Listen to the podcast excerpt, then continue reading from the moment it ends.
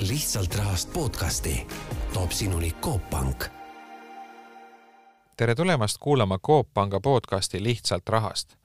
Coop Pank on kiiresti kasvav eestimaine pank, mis viib Eestis elu edasi ja pakub pangateenuseid sinu kodu lähedal. täna räägime kindlustusest. mina olen saatejuht Ando Sinisalu ja stuudios on külalised Coop Panga kindlustusmaakleri juht Raivo Piibor ja BCU kodu- ja reisikindlustuse tootejuht Kristo Õunapuu. inimesed ei kipu nii aktiivselt Eestis kindlustama, kui seda teevad näiteks meie naabrid Soomes ja Rootsis, et mis see põhiline probleem on, et miks siis meie inimesed vähem kindlustustooteid armastavad kui meie naabrid? no võib-olla siin üheks põhjuseks on ikkagi see majanduslik olukord, et inimestel arvavad siis seda, et, et oma riske maandada ei ole, ei ole mõistlik ja, ja loodavad ise hakkama saada sellega. ja natuke ikkagi on võib-olla ka seda eestlase jonni, et ma tean ise kõigest kõige rohkem ja minuga ei juhtu midagi, et et seda, neid jonni ikkagi jääb aastatega järjest vähemaks ja inimesed saavad aru, et on mõistlik oma riske hajutada, et mitte kõik jätta enda kanda, et kui kui vanasti oli levinud ainult see tulekindlustus talude puhul, siis tänases olukorras ei ole seda mõistlik sellisel moel jätkata, et vaid ikkagi kindlustada ära kõik oma vara, mis sul on. no kui mina nüüd äh, nii-öelda kliendina, kindlustajana mõtlen äh, selle peale, et võiks üht või teist äh, kindlustust teha, et noh, siin on teatud asjad, mis on äh, kohustuslikud nagu liikluskindlustus ja, ja reisikindlustus mõnel juhul mõnedesse riikidesse reisides ka on kohustuslik, aga noh, üld, üldjuhul on see ikkagi vabatahtlik. Ja siis ma mõtlen niimoodi, et, et mina, väike inimene, olen siis vastamisi selle kindlustusseltsiga, et seal lepingus on hästi palju sellist peenikest kirja, mida ma võib-olla ei saa aru ja ei viitsi lugeda seda, ja siis mul on selline tunne, et, et kui nüüd juhtub mingi, mingisugune õnnetus või mingi juhtum, et et, et see selts ju mingi hea meelega seda raha välja ei maksa, et see on ikkagi päris suur kulu ja, ja leiab ikka selle mingisuguse seadusepügala, et mitte seda täiel määral välja maksta, et, et noh, selline nagu ma ei tea, alateadlik hirm või kahtlustus, et, et palun lükake see ümber, see hirm. Jah, eks klientidel on see hirm olemas ja igapäevaselt puutume sellega ka kokku, aga kui võtta nüüd aluseks, et palju sõlmitakse kindlustuslepinguid, palju juhtub kahju ja palju siis tuleb keeldumisi või otsuse muutmisi, siis see on kaduvväike number võrreldes kahjude väljamaksetega, ehk siis ta, eks ta on natuke ikkagi linnalegend ja ja natukene ikkagi on äh, sees ka see öö, olukord, et kui midagi juhtub, siis tahetakse saada rohkem hüvitist, kui oleks õiglane võib-olla taodelda. Ja, ja siis, kui selts või keeldub seda hüvitamast, siis tekib ikkagi probleem, et noh, minuga ei käitutud õiglaselt aga kuidas see, see lepingu sõlmimine, et kui noh, praegu on, eks ole, päris palju võimalik seda teha ka online, et, et sa kellegiga nagu otseselt inimese või kliendi teenindajaga kokku ei, ei saagi ja online'is teed selle ära, aga ikkagi, kui nüüd tekivad need küsimused, et mis on need asjad, millele nagu peaks tähelepanu pöörama, et, et mis võib-olla seal peenikeses kirjas on ja mida inimesed ei, ei, ei aimagi, et, et see võiks olla nagu teema. Et, et, et kuidas nagu jõuda selle olukorrani, et ei tekiks sellist vääritimõistmist, et, et see kindlustaja saaks täpselt aru, mille eest ta siis on kaitstud ja mis olukordades, mis juhtudel, et neid vääritimõistmisi vältida, et mis te soovitate teha, kuidas, kuidas nagu seda infot kõige parem saada oleks? No mina soovitaks, et seda, et enne kindlustuslepingu sõlmimist võtta endale aega nende tingimustega ikkagi tutvuda. et see ei ole päris poest nagu saia ostmine, et ma lähen, võtan selle pätsi ja, ja lähen koju ja söön ja kõik on hästi, on ju. et pigem ikkagi võtta rahulikult aega, lugeda, kui ei saa aru, järgmine päev uuesti lugeda ja, ja, ja kui siis tekivad küsimused, siis kindlustusselts ka näiteks siis elektrooniliste kanalite puhul äh, saab, saab küsimusi esitada ja kindlasti kindlustusnõustajad siis sellisel juhul aitavad Äh, ja võib-olla omalt poolt lisaks veel juurde, et tegelikult tuleks inimesel läbi mõelda seda, et mille vastu ta tahab üldse kindlustada, et äh, noh, kodukindlustus või reisikindlustus äh, paljudel juhtudel inimene vaatab ainult hinda, süübimata sellesse, et mida ta siis selle raha eest saab. ja lisaks on sellele, kui klient ise ostab seltsi online'is, võimalik ka küsida professionaalide abi, ehk siis maaklerist minna küsida nõustamist, Äh, turuülevaadet, et et siin ongi nagu kaks lähenemist, et kui klient on ise teadlik, oskab äh, asjadele tähelepanu pöörata, on täitsa mõistlik minna online-kanalist ostma, aga kui ta ei ole kindel või tahab võrdlust saada, siis tegelikult tuleks maaklerit abi kasutada, kes teevad seda igapäevaselt ja on professionaalid selles valdkonnas. no maakleri puhul noh, minu nagu selline lihtsustatud aru, arusaamine on see, et maakler pakub mulle nagu võrdlust, et, et ta esindab erinevaid seltse, siis pakub võrdlust, et ma saan nagu sealt parema hinna valida. Aga, aga siis, kui asi läheb keerulisemaks, et siis kui seal on juba mingid nüansid, et siis mulle nagu tundub, et et siis mul on, on mõistlik või selline erijuhtumiga tegu, et siis mul on mõistlik juba ise suhelda nende seltsidega, et, et mis need nagu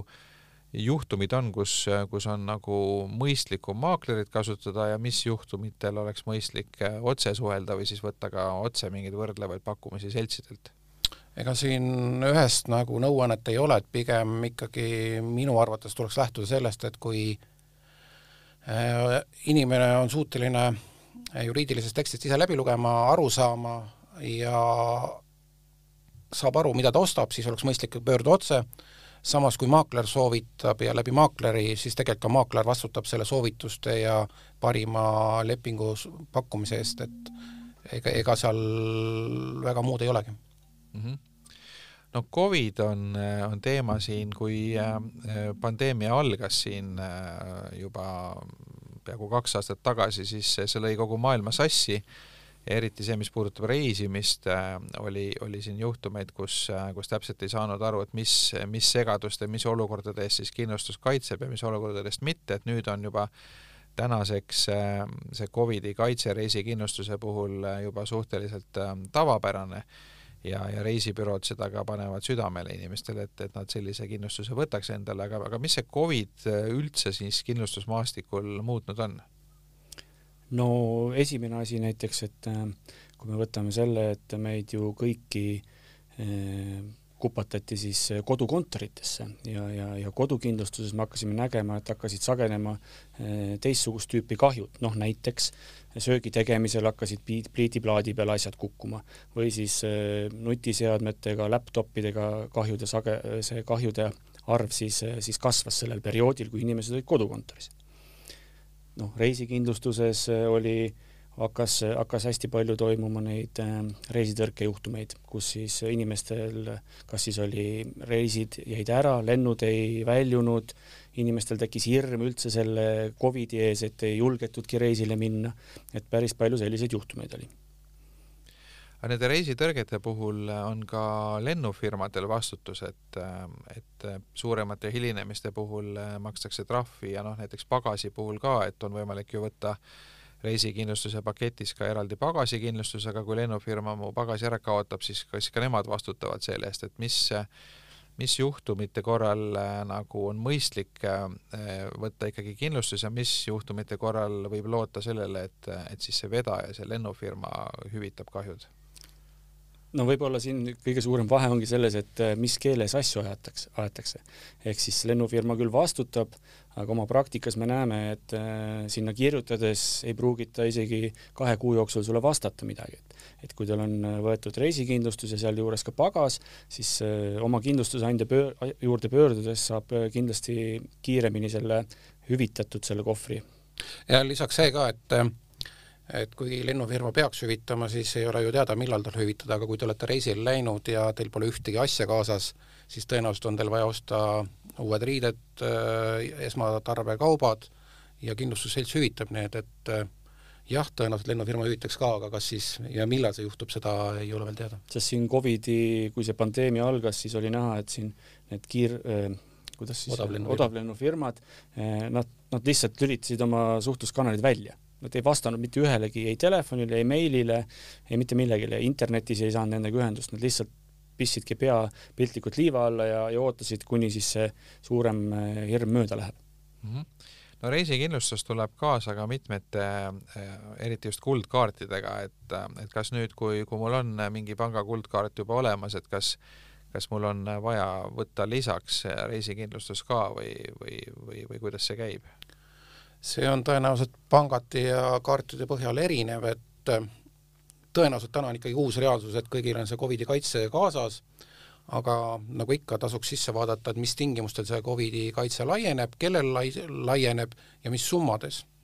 ehk siis äh, loota lihtsalt sellele, et, et mul on Covidi kaitse ja kogu maailma probleemid on lahendatud, siis see päris nii ei ole no üks tingimus, ma, ma ei tea, kas see vastab tõele või mitte, aga, aga jällegi selline äh, rahva seas levinud äh, arvamus on see, et, et juhul, kui äh, need piletid näiteks pole ostetud selle kaardiga, et siis see kindlustus ei, ei kata seda, mõnel juhul jälle katab, et see on ka alati teema, mis, mis tekitab arusaamatusi. jah, see on ainult ühe turuosalise praktika, et üldjuhul ikkagi täna enam ei ole seda nõuet, et, et peab olema ostetud sama kaardiga, mille alt on see kindlustus mm. -hmm nüüd äh, kodukindlustuse puhul äh, noh, eriti need, kellel on äh, pangalaenuga ostetud kodu, et siis see kindlustus on seal panga poolt üks, üks kohustuslik tingimus. aga nüüd see isiklik vara, mis seal kodus on, see on rohkem igaühe enda asi, aga aga kui te vaatate selliseid levinumaid juhtumeid, et mis seal, mis seal varakindlustuses, noh, kui jätta nüüd tõesti suured õnnetused nagu, nagu tulekahjud või midagi muud kõrvale, et mis need põhilised probleemid on, et et kui keegi kõhkleb, et kas nüüd seda kodust vara kindlustada või mitte, et, et mis need kõige tõenäolisemad riskid on, mis tema varaga seal kodus juhtuda võib? Äh, Kristo kindlasti saab rääkida rohkem kahjude poolt, aga kui müügi poolt äh, rääkida, siis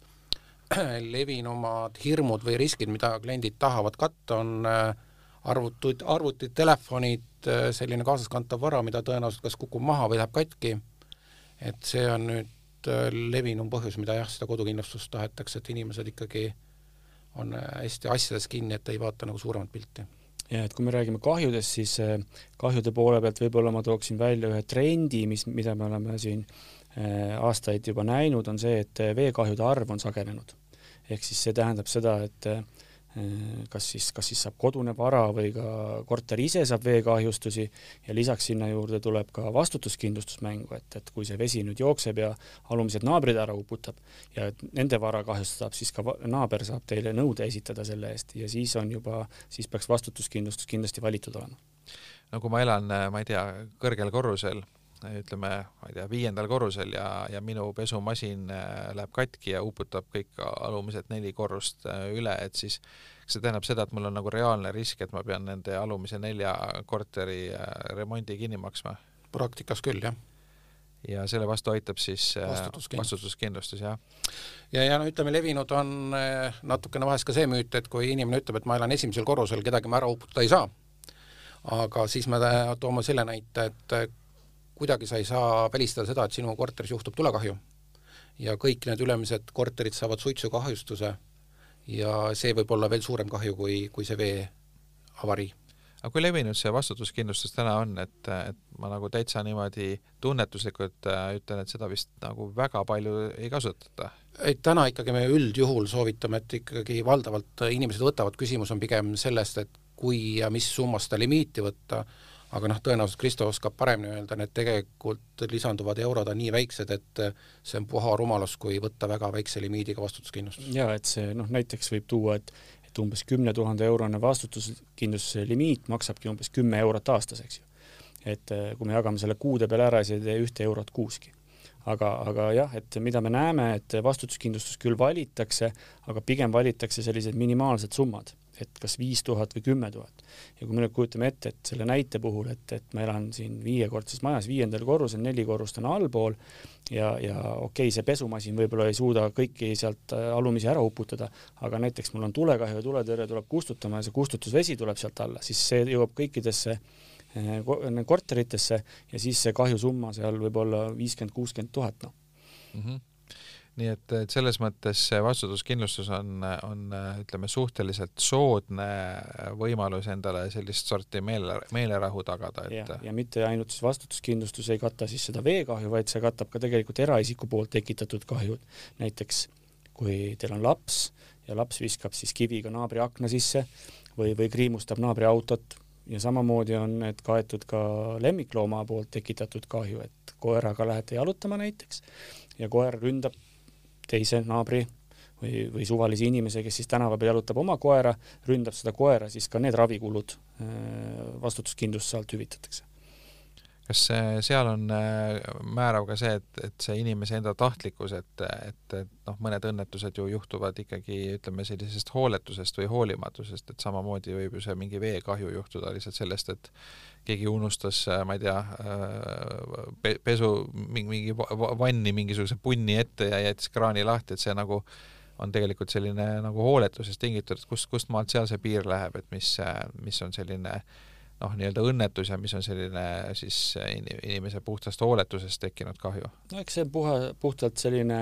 iga juhtum on eriline ja kaalutakse neid asjaolusid, et, et kuidas see asi juhtus ja kui tõenäoline siis oli see, et et see klient tegi endast kõik oleneva, et ta seda kahju ei tee, ei toimuks. ja kas ta ka aru sai ja, ja seal jaguneb ka veel pigem võib-olla selle vahel, et et kas ta nüüd on lapsega tegu või täiskasvanud inimesega, sest et noh, laste puhul eeldatakse, et ta ei pruugi alati kõigest õigesti aru saada mm. -hmm. laenukindlustus, et mis see endast täpsemalt kujutab, et, äh, et selgitage palun lähemalt jah, see on nüüd järjest levinum trend, et inimesed, kes võtavad laenu, liisingut või, või sarnaseid tooteid, soovivad oma liisingkohustusi ära kindlustada. ehk siis töökaotus, õnnetusjuhtumid, et, et selliste riskide vastu maandada oma see tähendab seda, et kui ma olen võtnud näiteks äh, kodulaenu pangast ja, ja, ja juhtub minuga midagi ja ma ei, mu sissetulek ei võimalda enam pangale seda laenu maksta, et siis see kindlustus maksab minu eest need maksed või? jah, seal on küll teatud valitud riskid, et see päris nii ei ole, et, et ma ei taha tööl käia, aga et seda veel ei ole keegi välja mõelnud, aga pigem siis, kui ma jään töötuks, äh, tööle ei saa, olen Töötukassas arvel, siis jah, makstakse need liisingu või laenu kuumaksed kinni. no siin oli see Covidi, kui see Covid algas, siis ju nägime ka töötuse määra kasvu ja, ja siis meie juhtumite arv ka kasvas selle arvelt, et, et me hakkasime hüvitama neid eh, koondamise tõttu töökaotusi. et, et, et oma laene teenindada, siis inimesed olid kindlustanud ja, ja, ja suutsid siis oma need laenumaksed tagasi maksta see tähendab siis seda, et kui, kui mul on see töökaotus, noh, ma eeldan, et, et see on ikkagi ajutise iseloomuga, et ma võib-olla mingi poole aasta pärast leian uue töökoha, et siis, siis kui ma taas tööle lähen, siis see kindlustus jällegi äh, nii-öelda katkeb, et ma maksan ise, ise edasi, kui ma suudan seda teha, et see on pigem mõeldud ikkagi äh, selliste ajutiste raskuste ületamiseks? jah, seal üldjuhul on ikkagi piirangud ees, kas siis pool aasta või aasta, mille jooksul hüvitatakse neid liisingu ja laenumakseid, et see päris sellisel moel ei ole, et, et mm. ma nüüd laenu või liisingu lõpuni kõik kinni makstakse aga tõenäoliselt on see hea abimees, et äh, raskuste korral üle elada ja mitte elustandardis siis järgi anda, et aga mis, mis varianti pakkuda sellisel juhul, kui tegemist on mingi terviseriskiga seotud, äh, ma ei tea, töökaotusega või, või töövõimetuks muutumisega, et siis Need ongi seesama kindlustusega kaetudki nii töökaotus, osaline töökaotus kui, kui, kui õnnetusjuhtumid. aga pikaajaline, kui see on mingisugune sellist laadi äh, tervisekahjust, kahjustus, mis ei võimalda üldse näiteks võib-olla tööle minna enam? no seal üldjuhul on ikkagi ajaline piirang ees, et kas siis aasta või kuidas kellelgi tingimustes no, kokku lepitud on? võimalik on ju ka näiteks õnnetusjuhtumi kindlustus endale sõlmida, et et see siis äh, aitab katta nagu näiteks täielikku töövõimetust. et kui, kui see peaks äh, aset leidma, et enam inimene üldse tööl käia ei saa, et siis on kokku lepitud kindlustussumma, mida me siis soovitame äh, inimesel nagu valida selline, et mis siis tema elukvaliteeti ei halvendaks ja, ja sellisel juhul me hüvitame siis selle mm, kokkulepitud summa kindlustusvõtjale no neid kindlustustooteid on, on päris palju, et me tegelikult räägime praegu ju varakindlustusest, meie elukindlustusest ja tervisekindlustusest äh, ei räägi, see on täitsa omaette teema. et kui nüüd neid varakindlustuse erinevaid äh, tooteid vaadata, et, äh, et kas siin on võimalik teha mingisugune prioriteetide nimekiri ka, et noh, ma võin ju iseenesest, äh, me oleme juba praegu rääkinud päris paljudest toodetest ja siin on veel lisaks igasuguseid muid asju ka, mida kõike kindlustada saab ja võib, et, ähm, et, et noh, ilmselt kõike pole ka mõistlik ja kõike ei jõua, et et kui nüüd keegi siin äh, meie kuulajatest praegu soovib endale näiteks äh, teha mingisuguse nimekirja, noh, võib-olla et kõike täna ei jõua, aga siis tulevikus mingid asjad juurde võtta, et mis, mis see põhimõte võiks olla, mille alusel seda, seda tähtsuse järjekorda koostada? Noh, eks seal ikkagi hakkab pihta ka sellest, et osa on seadusest tulenevad äh, kohustused, näiteks liikluskindlustus, mis peab olema autoomanikul, äh, kindlasti kui on laenud liisinglepingud, siis on kodu kindlustatud, autod kindlustatud, aga edasi sõltub juba ikkagi inimesest, et kuidas ta hindab oma riske ja kuidas ta tahab neid maandada, et mõne inimese jaoks on lemmikloom kõige tähtsam asi ja ta on valmis kõik selleks tegema ja kindlustab selle ära, et kui see lemmikloom vajab arstiabi, siis oleksid kõik need kaetud, teine ütleb, et äh, tahan, et minu enda elu oleks kaetud õnnetusjuhtumi läbi, kui midagi juhtub, et mu pere ei kannataks, et väga raske on siin ühest nõuannet anda, et äh, ma iseenda jaoks olen läbi mõelnud see, et äh, üritan ära kindlustada kõik need juhtumid ja varad, et millest ma väga kergesti ei ole nõus loobuma või mis ei halvenda olulisel määral minu elustandardid, et kui, kui inimene võtab selle järgi, siis tõenäoliselt peaks ta ikkagi enam-vähem ka kaetud olema ja et kui me nüüd võtame need kohustusliku selle liikluskindlustuse kõrvale, siis ma tahaks loota, et kõik Eestimaa inimesed on kindlustanud ära enda elukoha ehk siis kodu. et eh, noh, ilma autota me saame mingisuguse perioodi võib-olla hakkama, saame bussiga liikuda, aga mul peavarju ei ole, et siis see, siis ma ei tahaks küll kellelegi sellist olukorda, et, et et see selline fataalne asi võiks juhtuda, et näiteks kodust pean ilma jääma selle tõttu, et mul ei olnud kindlustust noh, kodulaenulepinguga kodu ostnud inimestel on see ka kohustuslik, aga need, kellel on siis seda laenulepingut ei ole, siis see on juba vabatahtlik, et et kuidas see pilt täna on, et kui, kui palju neid inimesi on, kes pole enda kodu kindlustanud, on teil mingisugune umbkaudne ettekujutus suurusjärkudest? no ma arvan, et see on ikkagi üle, üle sinna kaheksakümne protsendi ligi, et need kodud on Eestis kindlustatud. Äh, no järjest rohkem tehakse, aga ma arvan, et ka siin on ikkagi tegemist ka palju eestlasliku jonniga, et minuga ei juhtu midagi mm. ja ja siis, kui midagi juhtub, siis on nagu olukord hoopis teistsugune. nüüd äh, see kodune vara, sellest me juba natuke rääkisime, et seal need liikuvad seadmed, äh, nutiseadmed ja arvutid ja need äh, ilmselt purunevad kergemini, kuna need tassitakse ringi kogu aeg ja nad kipuvad ära kaduma, aga aga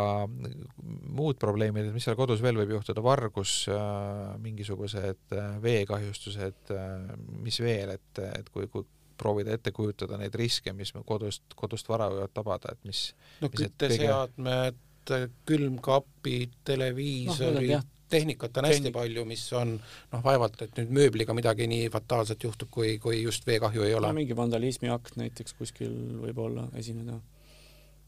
ja ikkagi noh, kõige suuremaid tagajärgi, mis toob, on see tulekahju. et äh, see on ikkagi selline noh, ütleme siis, et et tagajärjed on kõige õudsemad sellisel juhul. ja ikkagi viimased aastad on järjest olnud ka tugevaid vihmasadusid, mis põhjustavad neid läbijookse, et ka need ja, kahjud on levinud. ja torm, tormiga, mis lennutab näiteks aiamööblit, batuute, mis ei ole kinnitatud ja lõhub kasvuhooneid, murrab puid, kõik sellised asjad samamoodi ja alles, alles möödunud suvel oli ju, ju ka Tallinnas päris tugev torm, et äh, ma elan ise Nõmmel, et äh, päris, päris mitmed puud olid murdunud äh,, liiklus seisis ja autod said pihta ja nii edasi, et et tegelikult äh,, tegelikult neid asju juhtub päris sageli. aga kaskokindlustus, see on nüüd äh, teema, et, et paljud räägivad, et, äh, et, et, äh, et noh, et, et, et et ostakski ilma, ilma liisinguta auto, et siis ei ole seda kasko kohustust, kuna see kasko kindlustuse summa tegelikult on, on liisingmaksega juba isegi suhteliselt sarnases suurusjärgus odavamate autode puhul. et, et kuidas sellesse kaskosse suhtuda, et, et see, see tundub nagu päris, päris kallis olevat, samal ajal võib-olla mingi äh, odavama auto puhul see remont ei olegi nii kallis, et kust, kust maalt see nagu see tasakaalupunkt on, et, et kust maalt või kui kalli auto puhul seda üldse nagu mõtet teha oleks? ega siin ei ole ka jälle ühest nõu, aga kui, kui võtta keskmine rahvaauto, mis võib olla, ma ei tea, Škoda, Toyota, mis aastakindlustusmakse võib olla seal eh, kolmesajast viiesaja euroni ja auto maksab seal kolmkümmend ja pluss tuhat eurot, siis minu jaoks on küll ebamõistlik jätta see risk enda kanda, et ja vaadates praktikat, et ikkagi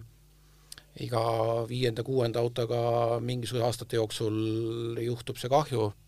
ja kui inimene ütleb, et minuga ei juhtu, siis tõenäoliselt on see õnnetus lähi, lähiajal tulemas. ehk siis täna need kindlustusmaksed võrreldes nende kahjude ja remondisummadega ei ole ikkagi üldse võrreldavad. jaa, et võib-olla siin see, et miks nagu ka vanemate autode puhul on, on see kindlustus endiselt kallis, on see, et äh, ega ju remont on äh, sama kallis, töötund on ikka sama kallis ja, ja varuosadki, kui, kui soovitakse uusi varuosi, siis need maksavad samamoodi sama palju raha kui, kui uue auto puhul. ja sellepärast võib-olla see auto hinda arvestades proportsioon ongi nagu paigast ära, kliendile tundubki, et see, et ongi kallis noh, vanemate autode puhul võib ju mõelda, et mul sõber teeb korda ja kasutab seal ka pruugitud varuosi ja nii edasi, et saab nagu nii-öelda põlve otsas päris, päris soodsalt selle ära teha, et, et see, see kindlustusmakse võib-olla seal ma ei tea, sellise auto puhul, mis maksab alla, alla kümne tuhande, ei ole nii mõttekas enam. Tõenäoliselt sellise auto puhul jah, tasuks tõsiselt mõelda, et kas on mõistlik, et võib-olla siis ainult kui selline mõte on, kas kindlustada sellist autot, et võib-olla ainult siis täishävingu puhul näiteks et, et äh, on ka selliseid lahendusi, mis siis on ainult see, et kui auto täishävingu saab, siis sellisel juhul hüvitatakse auto, auto turuhind. ja juba kümne tuhandese autol see täishäving on päris kiiresti päris kiiresti tulemas, kui seal on elektroonikat äh, sees, siis airbag'id, äh, näiteks moodsamad esituled, siis see kümme tuhat tuleb väga ruttu täis mm. -hmm nüüd kui ähm, inimesed siin kuulavad, mõtlevad, et, ähm, et, et kindlustaks, et, et, et kuidas seda nagu, seda teha, et et, et, et see summa, mis äh, kindlustuse peale kulutada, et, et kas siin on ka mingisuguseid häid selliseid soovitusi, et et kui, kui palju, ma ei tea, kui suure osa äh, mitu protsenti sinu vara maksumusest või, või protsenti sissetulekust või ma ei tea, mis iganes suhtarv et kui palju oleks nagu mõistlik äh, kindlustuse peale kulutada, ma ei tea, kas on äkki mingeid võrdlusi siin äh, Skandinaavia maadega, kui palju seal inimesed keskmiselt kindlust, noh, summeeritult siis kulutavad või, või kuidas seda nagu mõelda, et kui ma siin planeerin oma mingit pere-eelarvet, et et planeeriks sinna kindlustuse sisse, et kui, kui suur see või nagu mõistlik oleks seda on nagu raske niimoodi öelda, et kui suur see protsent võiks olla, aga aga pigem ikkagi tuleks võib-olla teisest otsast alustada seda, et et vaadatagi, et milliseid riske ma maandada tahan ja siis läbi selle teha see eelarve. et, et ma nagu küll ei oskaks öelda siin ühtset nagu protsenti sissetulekust, mis sa võiks kulutada. jah, ja aga pigem jah, see inimene peaks tegema endale selgeks selle kindlustushuvi, et kas tal on seda tahtmist kaitsta või mitte ja ja, ja kui on tegemist nüüd ütleme selle olukorraga, kus ta arvab, et tahaks nagu vähem maksta, siis kindlasti on võimalik äh, leida ka lahendused, kus siis võtta suuremad omavastutused, mitte jätta seda kogu riski endale, vaid osaliselt mm. katta, et noh, neid variante on palju.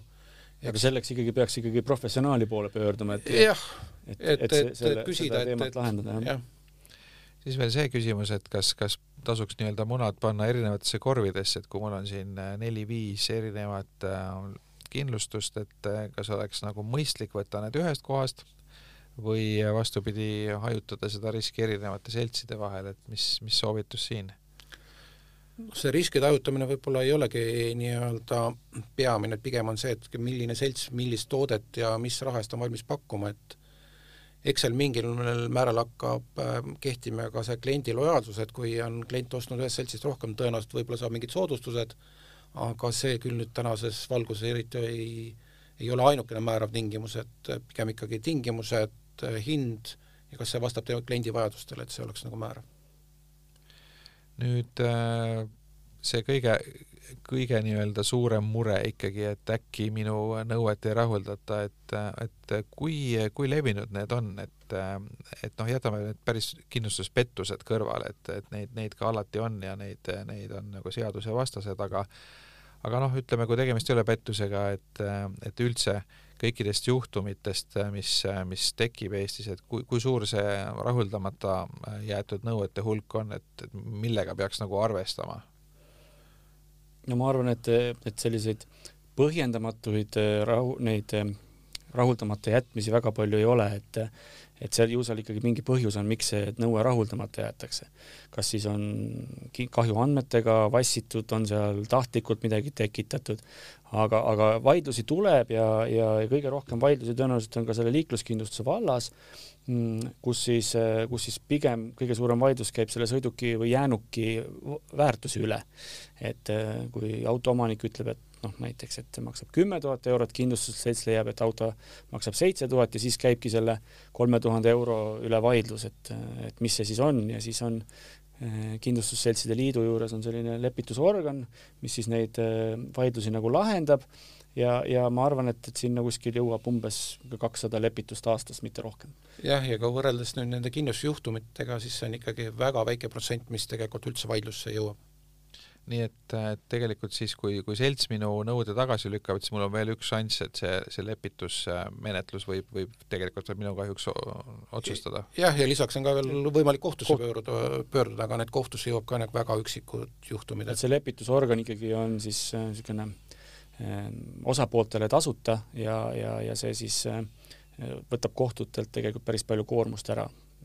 nendel vaidluste lahendamisel et selles mõttes see hirm ka tegelikult on üsna põhjendamatu, et, et isegi kui esimeses voorus tekib mingisugune lahkarvamus, siis on tegelikult veel mitu vooru jäänud, kus on võimalik oma, oma õigust nõuda ja, ja, ja selles mõttes on, on ka selle tavalise väikese inimese õigused siin kaitstud? no tavaliselt need vaidlused ja probleemid tekivad sellest, et inimesed ei suhtle, ehk siis äh, minu soovitus küll, et kui midagi juhtub, siis tegelikult tuleb rääkida, suhelda ja küsida üle, kui millestki aru ei saa, et miks või, või mi, mispärast see nii on olnud, et tavaliselt ikkagi vaidlused tekivad sellest möödarääkimistest. nii, aga sellega täna lõpetame, aitäh, stuudios olid külas Coop Panga kindlustusmaakleri juht Raivo Piibor ja BCU kodu- ja reisikindlustuse tootejuht Kristo Õunapuu, mina olen saatejuht Ando Sinisalu, aitäh kuulamast! Lihtsalt rahast podcast on võimalik kuulata Delfis, SoundCloudis, Spotify's ja Coop Panga kodulehel. lihtsalt rahast podcasti toob sinuni Coop Pank